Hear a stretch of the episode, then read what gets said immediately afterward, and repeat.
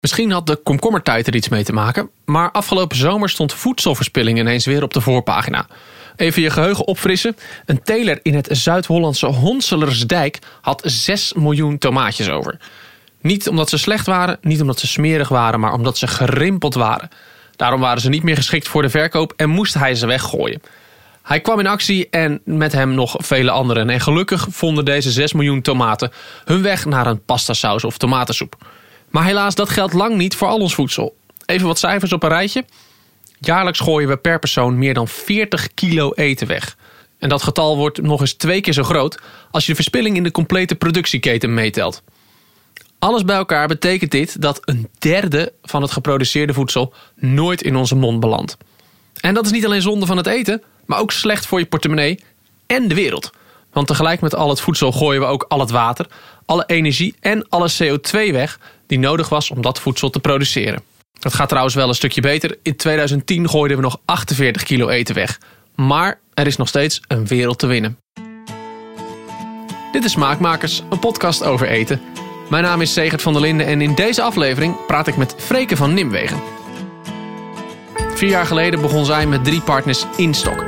In eerste instantie een pop-up restaurant dat alleen maar kookte met voedsel dat anders weggegooid zou worden. Inmiddels zijn we een kookboek. Drie restaurants, een groothandel en een eigen productenlijn verder, maar ze zijn nog lang niet klaar. Daarover praat ik het komende half uur met Freke.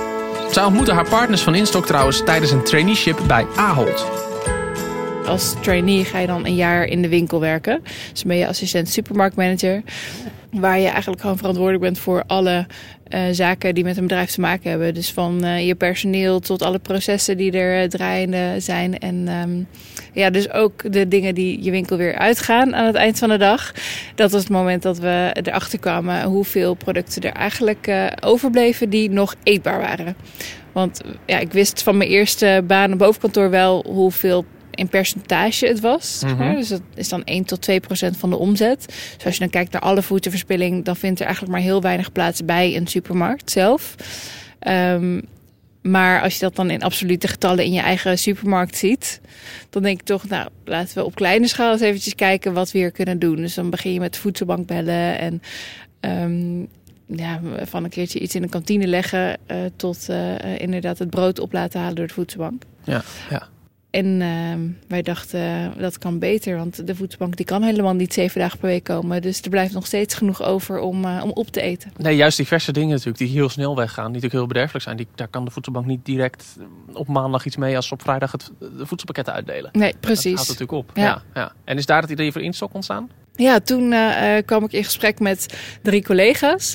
Um, die waren op dat moment ook werkzaam in een andere winkel. En toen kwam er een wedstrijd aan. Dat was het beste idee van Jong Ahold. En je bent net begonnen aan je carrière en je hebt allerlei ideeën over hoe je het bedrijf beter kan maken. Nou, dat was dus ons idee. We gaan dit idee pitchen dat we iets gaan doen met dat voedselverspilling. en in ons groepje zaten Selma, Merel en Bart en ikzelf. Bart had de Hoge Hotelschool gedaan. Nou, en dan snel kwamen we ook op een restaurantconcept uit. Dat begon met uh, tosties, sappen, soepen. Dus uh, waarvan we zelf wisten, ja, er is altijd brood, er is ja. altijd groente en fruit. Ja. Dat kun je, makkelijk, kun je ook makkelijk elke dag even een paar nieuwe bedenken. Dat is niet zo erg als je nee. wisselende aanvoer hebt en zo. Lukt altijd. Dus dat, dat konden we altijd maken als we keken naar wat wij zagen in de winkel. Maar toen gingen we met meer mensen praten. Uh, uh, werden we doorgestuurd naar een leverancier uh, die bijvoorbeeld vlees levert aan Albert Heijn. We werden doorgestuurd naar iemand die met wijnvoorraden zat. Die zeg maar. In, in... Oh, dat blijft ook over. Ja, je hebt gewoon dingen die uit het assortiment gaan. Dan is er oh, niet ja, tuurlijk, ja. genoeg ja. meer om alles te beleveren. Ja. en dan blijf je met een klein aantal zitten. Oftewel, we kwamen eigenlijk steeds meer erachter dat er nog zoveel meer was dan wij zelf zagen. En dat uh, uh, resulteerde in een viergangen diner. Dus Kijk. toen werd het gewoon eigenlijk steeds een cool. wat hoger segment. En uh, kwamen we echt op een restaurantconcept. En dat restaurantconcept, dat werd instok. Koken met eten dat anders weggegooid zou worden.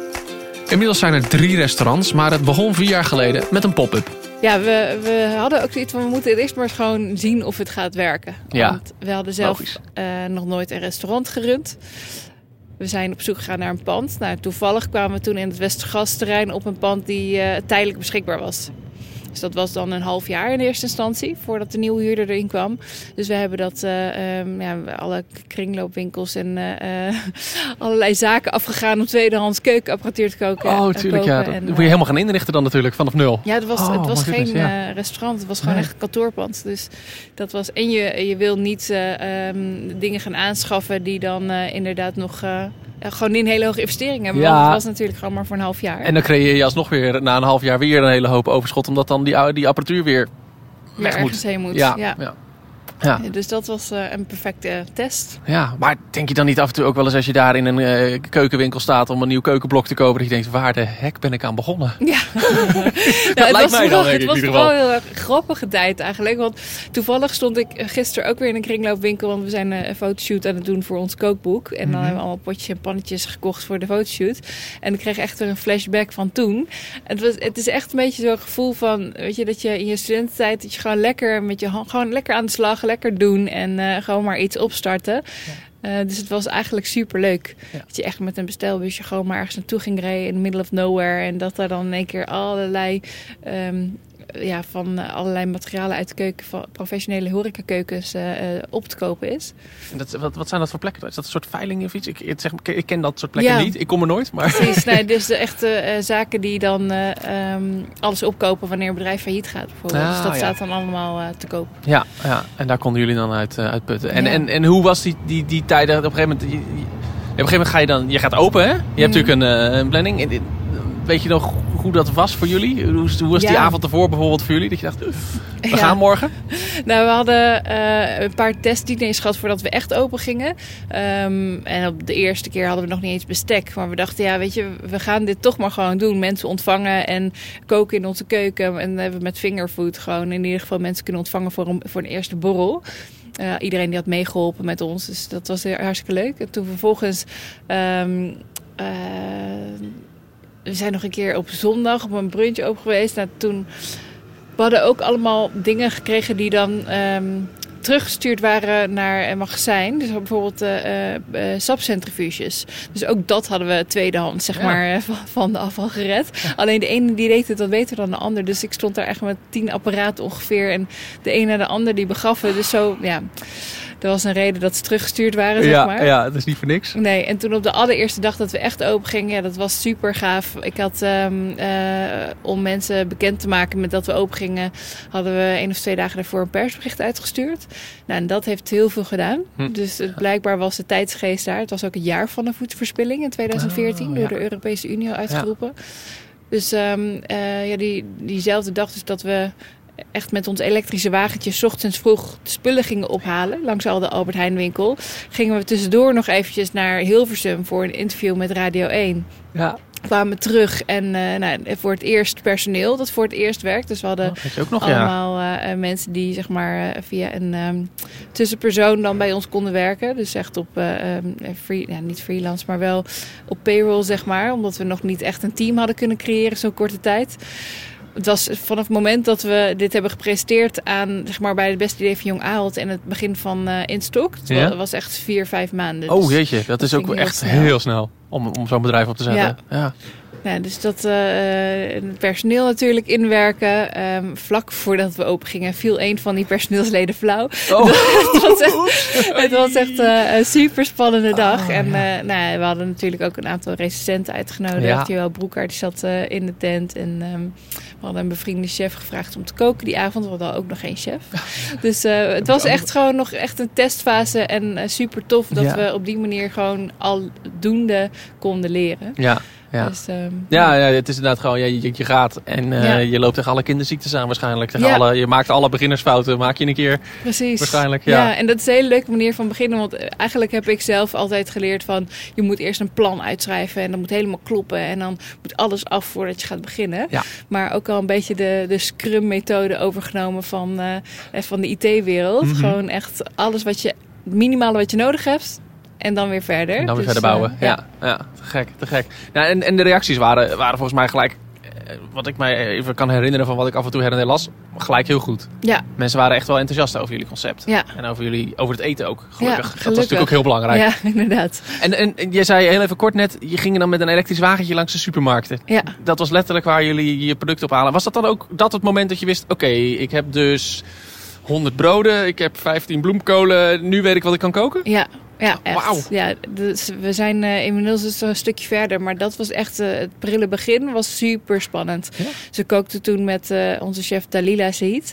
En ehm, ja, het is super creatief als je inderdaad gewoon met gewoon random verzameling van producten, veel groente en fruit, een gerecht weet te maken. Maar als je dat moeilijk volgens mij. ook nog voor 80 personen Ja. moet doen. maar dat is wel echt een kunst.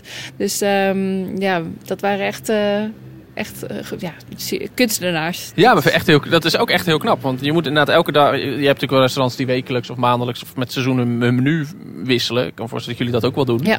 Maar elke dag vanaf Mm. nul beginnen. Ja, nee, precies. Goedemorgen. Ja. Doe het maar eens. Ja. Ja. ja, en dat is ook wel waar we op een gegeven moment achter kwamen. En het is natuurlijk super tof. Vooral als je echt een creatieve kok bent. En eh, juist die sleur die sommige koks ervaren. Dat ze gewoon Ja. echt het, het productiewerk moeten doen.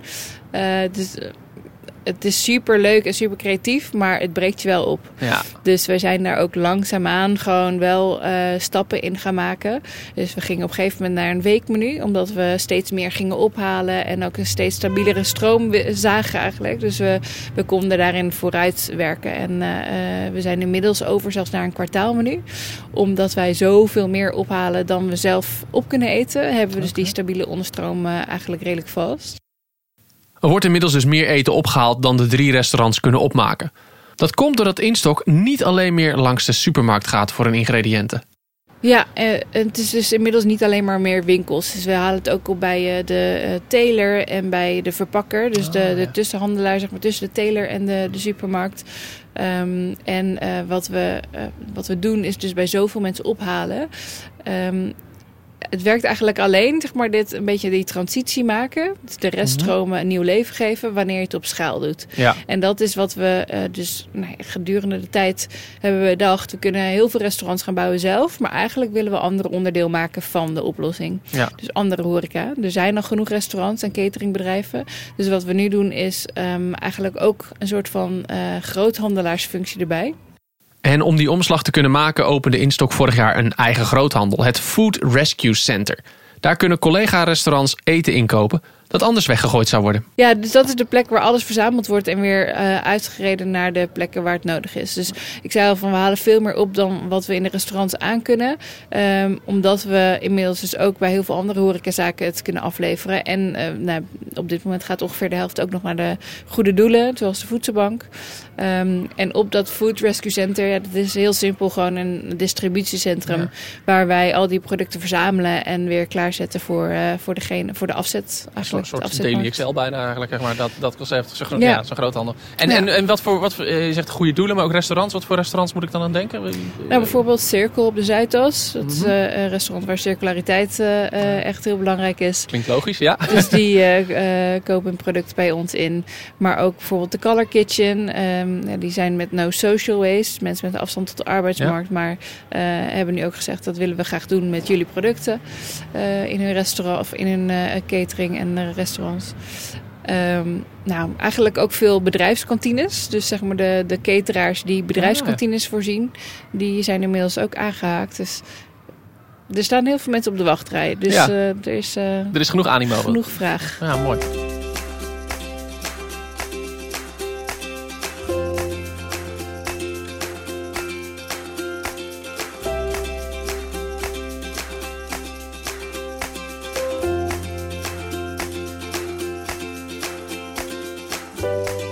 Even terug naar 2014, Ja. het, jaar, eh, het, jaar tegen de voedselverspilling. Dat stond flink in de aandacht. Eh, daar werd heel wat aandacht voor besteed. We zijn nu vier jaar verder ongeveer.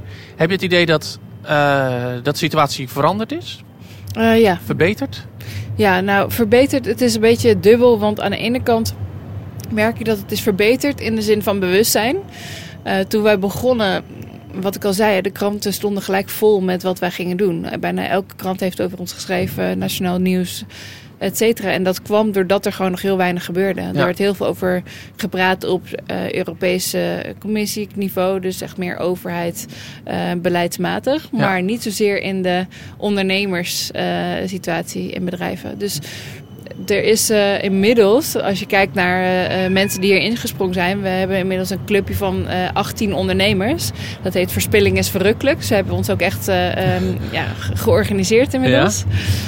Eh, met Verspilling is Verrukkelijk zeggen we van ja, we hebben allemaal dezelfde missie, namelijk verspilling tegengaan. En dat doen we met verrukkelijke producten. Ja. Dus de een die maakt er soep van, de ander biertjes en weer een ander die maakt er eh, maakt worst van, eh, van een bokje, zeg maar. Dat is echt het onpopulaire vlees in Nederland, ja, de geitenbok.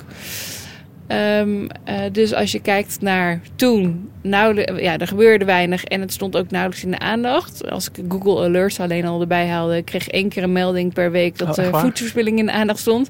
En dat is nu gewoon elke dag staat het wel ergens in de Ja. krant of in de media. Dus daar is zeker wat veranderd. Maar in getallen, ja, en dat is dus ehm, het, het, ja, als je de overheid en de Wageningen Universiteit eh, eh, de cijfers erbij haalt, dan is het iets gedaald. Iets. Huishoudens eh, eh, verspillen iets minder dan voorheen. Volgens mij hebben ze dat bijgesteld van 47 naar uit mijn hoofd 42 of 43 kilo per persoon per Ja. jaar. Ehm, maar volgens mij is het in de industrie nauwelijks veranderd. Zeg maar in, Oh. in de hele voedselketen. Dus- Dat zijn natuurlijk dat zijn de grote aantallen.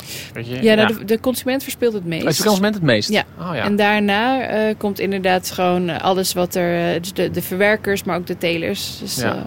Ja, nou ja, ja want ik, ik denk 40 kilo per jaar, dat, is, dat, dat klinkt ergens nog dat je denkt, nou oké, Ja, maar als je maar het voor je, als je, het voor je ziet, 17 miljoen ook. ja, een keer 17 miljoen Ja. doet, dan is het ineens ontzettend veel Precies. wat weggaat. En, en, en, en de, je noemt ook de, de, de telers, dat lijkt me ergens ook heel raar. Of zo, Mhm. heel gek. Eh, Wat voor hen je? ook, denk ik, dat ze heel veel weg moeten doen of zo. Wat, Ja. wat, kun je iets vertellen van mensen die dat misschien niet weten? Wat, wat zijn nou redenen om, dat, om, om producten weg te doen als teler of als groothandel? Of, Ja, nou, dat is eigenlijk gewoon de, de marktwerking. Ja. Ehm, eh, telers zijn eh, ondernemers en die willen aan de vraag voldoen uit de markt. Eh, maar ja, voorspel maar eens precies wat die vraag gaat zijn. Dat is ten eerste. Dus vraag- en aanbodspel natuurlijk. Dat je gewoon constant aan de vraag wil voldoen en eerder iets te veel produceert dan te weinig. Ja. Het andere ding is natuurlijk dat je te maken hebt met natuurproducten. Dus eh, groente en fruit. Je, hebt vast in de, in de krant voorbij zien komen de, de hete zomer. Ja. Die zorgt ervoor dat de, de pruimen klein waren, de tomaten te, De- te veel, te snel. Zeg maar, de, de appels waren er ook in overvloed. Dus Ja. het was in één keer eh, meer dan we gewend waren en ook wel afwijkende maten. Ehm, eh, dus dan, eh, dan merk je dat weersinvloeden et cetera ook heel veel eh, kunnen doen. Ja. En natuurlijk, ja, wat er ook vaak bekend is, is de, de wonky veggies en fruit. Zeg maar de kromme komkommers ja, ja. en de tweebenige wortels. Dat, de kwaliteitseisen die, die meespelen. Ja, dan blijf ik toch wel iets raars vinden. Laten we eerlijk zijn. Als je een wortel in stukjes snijdt, zie je niet eens meer dat hij een rare vorm heeft. Laat staan dat je het proeft. Maar goed, we hebben al geconstateerd dat het goed gaat met Instok. Er zijn inmiddels drie restaurants en een groothandel, maar ze doen nog veel meer moois. Bijvoorbeeld bierbrouwen. Ja, daar wilde ik natuurlijk alles over weten. Eh, Kijkende naar de, de producten die meest verspild worden, dus we kwamen al snel op aardappelen en, en brood, dan ga je natuurlijk, eh, hè, zo werken wij, wat is in stok? Dus wat is op voorraad Ja. en wat gaan we daarmee doen? Nou, die twee stromen dachten we, daar moeten we iets mee. En eh, we hadden gehoord van een biertje uit Brussel die met brood werkte. En toen zijn wij met brouwerij Troost in gesprek gegaan. En die zei, nou wij kunnen ook met aardappelen bier brouwen. Dan ben je volgens mij de eerste. Dus we waren het eerste pieperbiertje wat, wat gebrouwen werd. Ehm, en vervolgens zijn we ook daarnaast nog een broodbiertje gaan brouwen. Eh, en een deel van de mout wordt dus vervangen door deze eh, koolhydraten. Zeg maar. Ah ja, het gaat om de koolhydraten die erin Nou, het gaat om de zetmeel. Het zetmeel. Ja. Oh ja, ja, ja, ja. Aardappels zitten dat genoeg natuurlijk. Ja. Brood ook. Ja. Dat, en en ehm, dat vind ik eigenlijk, verbaast me dat trouwens om dat te horen. Aardappels en brood zijn geen dingen die wij het meest weggooien. Ja, en groente en fruit eh, zuivel. Dus dat zijn een beetje Ja. de top Het zijn de houdbare dingen? Of de, slecht houdbare dingen. Ja. Die gooi je natuurlijk weg. Ja, ja. En, eh, en, en eh, je hebt ook een kookboek gelanceerd inmiddels. Ja. Je zei net al heel eventjes bezig met een tweede. Ja, klopt. Komt eraan, bij Ja. november. Ja, inderdaad. Ja? Is dat, wat, wat is, waarin is dat anders dan het eerste boek? Ehm, Nieuwe nou, recepten natuurlijk, dat Dat, sowieso. ik, nee, maar ja. het is inderdaad een ander concept. Want we, we hebben het eerste boek, dat heet Instock Cooking. Dat was echt eigenlijk gelijk al toen wij in het eerste jaar met onze chefs aan de slag gingen. Dachten we, ja, dit is echt een andere manier van koken. En als wij dat nou eens kunnen overbrengen aan een thuiskok, dan zou dat tof zijn. Want dan helpen we hun ook weer minder voedselverspilling. En dat ging heel erg over eh, werken met ehm, wat je binnenkrijgt. Mhm. Wat heb je op voorraad? En hoe kun je dat lang bewaren en verwerken op een lekkere en leuke manier? Dus dan kom je al snel bij conserveringstechnieken. Ja. Ehm, achter conserveringstechnieken staan in het eerste boek, waarbij je dus bijvoorbeeld eh, leert inmaken, fermenteren, eh, drogen, vriezen. Ehm, alles wat je vroeger heel normaal vond en wat wij nu weer terug zien komen. Ja. Dus we leren mensen eigenlijk gewoon op een hele makkelijke manier hun eten langer houdbaar maken.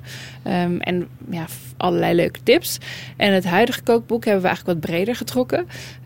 Ook omdat heel veel mensen die hebben bij voedselverspilling tegengegaan, bij ons bijvoorbeeld, dat ze denken dat we gewoon alles verwerken. Dus Mhm. ehm, niet zozeer dat wij de ingrediënten binnenhalen die anders verspild waren. Ze zeggen, ja, maar er zijn toch zoveel restaurants die tegen voedselverspilling zijn. Oh, zo ja. ja. Dus mensen denken, eh, jullie krijgen binnen en jullie zorgen er zelf voor dat alle producten die je binnenkrijgen, niet, die, dat die niet verspild worden. Precies. Maar jullie doen natuurlijk inderdaad aan de achterkant. Ja. Zijn jullie ook heel actief. Ja. Dus dat, dat bracht me eigenlijk gewoon op een soort van. eh, dat, dat ik dacht, misschien is het goed om een keertje dat eh, volledig op te schrijven. Van hoe kun je nou thuis aan de slag?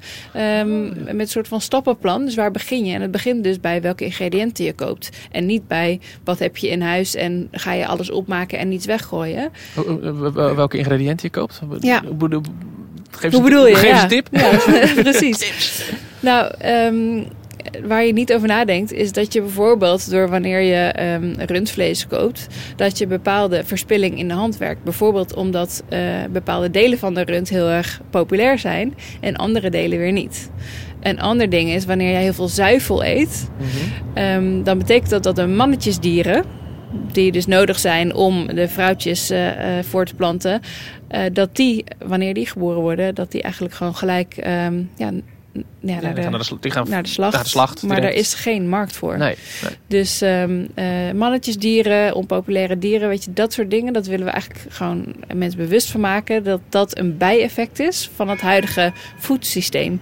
Dus de verspilling bij jou thuis, dat is een, deel. Ja, Maar eigenlijk gewoon door de keuzes die jij maakt met wat jij koopt, kun jij ook invloed hebben op wat er in de industrie verspeeld wordt. Ja. Eh, hetzelfde met bijvangst. Dus iedereen wil eh, eh, dat ene lekkere stukje zalm. iedereen wil een maar mootje zalm ja, Precies, bij dus- de pasta. Ja. Er is in de Noordzee heel veel te vangen wat, wat dus niet per se heel populair is. Dus juist die soorten te kiezen, zorg je ervoor dat alles wat de, wat de visser per ongeluk bijvangt, dat je dat ook een markt geeft. Dat je Ja. dat koopt. Ja.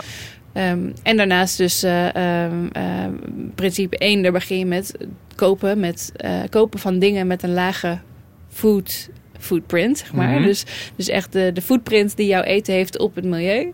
Dus oftewel vlees heeft een hele hoge footprint.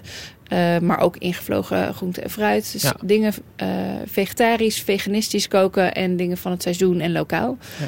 Dus ehm, Het, is, het zijn dingen die natuurlijk de afgelopen paar jaar heel veel gehoord hebben. Weet je, veel mensen Ja. hebben dat gezegd. Natuurlijk, inderdaad, kook mee met het seizoen. eh, kijken waar het geproduceerd is, et cetera. Niet zoveel vlees, want het milieu. Ja. Ehm, jullie komen daar nu, nu, nu ook mee. En, en, terecht. En logisch. Heb je het idee dat mensen het door beginnen te krijgen? eh, ja, Ja? door beginnen te krijgen. Nou ja, dat, dat hoe belangrijk zo'n keuze is voor, Ja. voor, eh, voor niet alleen voor hen, maar, maar voor de wereld om je heen. Ja, het blijft natuurlijk een kleine voortrekkersgroep. Dat is wel. ehm, ja, daar moet ik we zitten soms in een bubbel en de mensen die bij ons koop- komen zijn ook niet de hele maatschappij, zeg maar. Dus mensen die in ons restaurant eh, zitten, die zijn er denk ik steeds bewuster van. Ehm, eh, en er is echt wel een, eh, een bewustzijn die groter is dan het vier jaar geleden was. Dus je hebt nu ook steeds meer restaurants dus die al dit op de Mhm. kaart zetten. Maar steeds meer kookboeken die vegetarisch zijn, Ja. die van kop tot staart koken populair maken. Ja. Dus het, het begint wel echt veel populairder te worden. Ja, en toch, en je noemt hem inderdaad wel terecht, denk ik, toch een, een bepaalde bubbel. Ik, bedoel, ik zit er ook middenin, dus wat dat betreft, eh, ik, Ja. ik ken hem. Ehm, proberen jullie ook naar buiten te gaan? Of de Ja. bubbel groter te maken? Of? Ja, nou, we prikken. proberen in ieder geval jong te beginnen. Want eh, eh, we hebben een lespakket gemaakt. Omdat we dachten, als je ja, eigenlijk de maatschappij wil bereiken, waar begin dan? Bij de kinderen. Ja. En hopelijk nemen de kinderen een verhaal weer mee naar huis. Om het op de koelkast te hangen van wat ze hebben geleerd op school. Ehm, dus met dat lespakket zijn we vorig jaar begonnen. Er wordt heel leuk op gereageerd. We werken samen met de voedselbank, dus we proberen hun ook hierheen te halen. Maar het, weet je, het basale is dat wanneer jij op korte termijn zorgen hebt, Mhm. Dus als jij na moet denken van, oh, wat, wat eet ik volgende week? Heb ik genoeg uh, brood op de plank? Dan zijn die langetermijn dingen zoiets vaags en abstract. Dat het ook een soort van privilege is dat we over voedselverspilling na kunnen denken. En mocht je nou denken, leuk dat bier, tof die groothandel, maar kan ik nog wat doen? Natuurlijk kan dat. Freke heeft nog wel wat praktische tips voor je. Oh ja, klein detail. Mijn microfoon hield er hiermee op. Geen idee waarom, maar mijn stem is dus wat op de achtergrond. Um, ja, het, komt al vrij snel op de clichés. Kijk in je koelkast voordat je de deur uitgaat. Okay. Blijft, ja, ook, en ik ben er zelf dan uh, hartstikke keen op om het niet te doen. Maar toch, ja, ik heb een dochtertje thuis. Ik heb uh, een druk uh, leven. En dan komt er ineens een etentje om de hoek kijken waar je niet, die je niet had gepland. Um, dus ook ik maak me er nog wel eens schuldig aan. En ja, ik ben er dagelijks mee bezig. Je moet eigenlijk gewoon... Um, heel veel verschillende manieren vinden om het voor jezelf zo, uh, zo haalbaar mogelijk te maken. Dus voor mij is dat dat ik uh, geen weekboodschappen doe, maar elke dag boodschappen. Het ding is dat wanneer je een kleintje hebt, dat dat soms iets moeilijker is met ophalen, brengen naar de crash, et cetera. Dus uh, daar gaan we nu dus soms de fout in, terwijl het vroeger altijd goed ging. ja, je kind verandert ook dat. Ja, ja. Um, dus voor, voor de een is het een andere oplossing dan voor de ander. Ik denk ook um, uh, wat leuke tips zijn, uh, is bijvoorbeeld te kopen. Dus uh, ik koop de 35% stickers in de winkel, want dat, was an, dat gaat anders weg. Je hebt uh, de Too Good To Go uh, app, waar je volgens mij eind van de dag voor een goedkope prijs wat dingetjes kan ophalen die bij restaurants vaak verspeeld zou worden anders. Dus, um, en ook denk ik uh, um, uh, sharing uh, met gewoon het delen. Want als je te veel hebt, dan, dan kun je het als, als je weer in je koelkast zetten. Maar je kan ook aanbellen bij je buurvrouw. Genoeg te doen dus. Tijd om die 40 kilo weggegooid eten flink te verminderen. En ook tijd om naar de toekomst te kijken. Want hoe ziet die eruit? Um, nou, we, we zien dus wel uh, toekomst in eigenlijk iedereen onderdeel maken van het, uh, de oplossing. En dus ook het probleem. Dus um, wat we heel graag willen is dat het normaal wordt gezien dat mensen met hun reststromen iets gaan doen.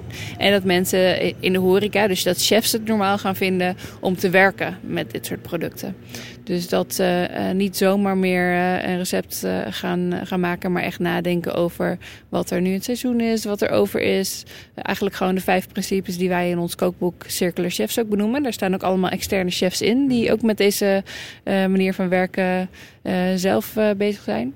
Dus ja, dus dat eigenlijk dat stukje groothandel heel erg uitbreiden. Um, en steeds meer mensen bereiken. Wie weet wel een keertje dat, er, dat we andere mensen.